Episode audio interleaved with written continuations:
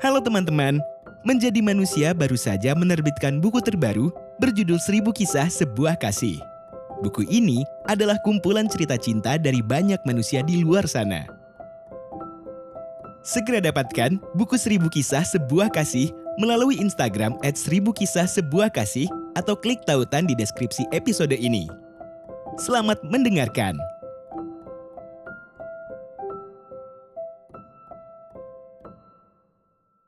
Sepasang mata manusia memang tukang sihir. Hati adalah korbannya.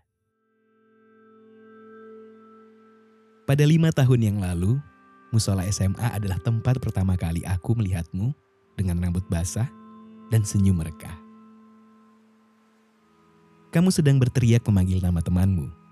Aku saksikan kamu memakai sebuah name dengan seragam pramuka SMP.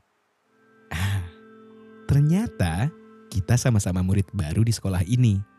Dua bocah yang sedang menjalankan masa orientasi di tempat yang begitu asing.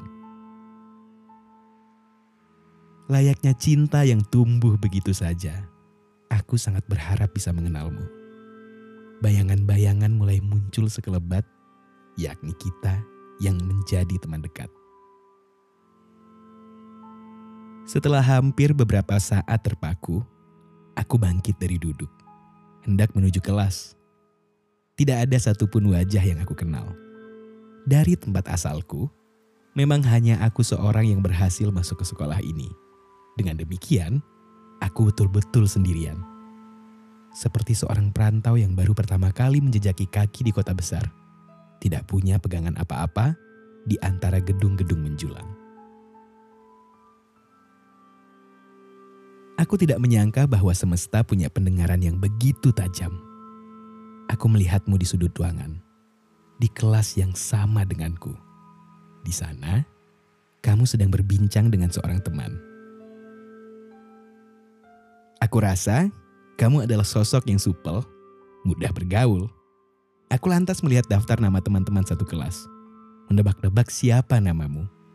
Walaupun pada akhirnya kita berkenalan juga Semesta begitu baik dan Tuhan maha mendengar. Tetapi, entah kenapa, saat ini aku sedikit menyesalkan kebaikan tersebut. Bahkan, aku cukup menyayangkan hati ini yang telah menjadi korban. Hatiku disihir habis-habisan oleh sepasang mata yang sebetulnya tidak memahami apa-apa. Sampai saat ini, bekasnya masih terasa.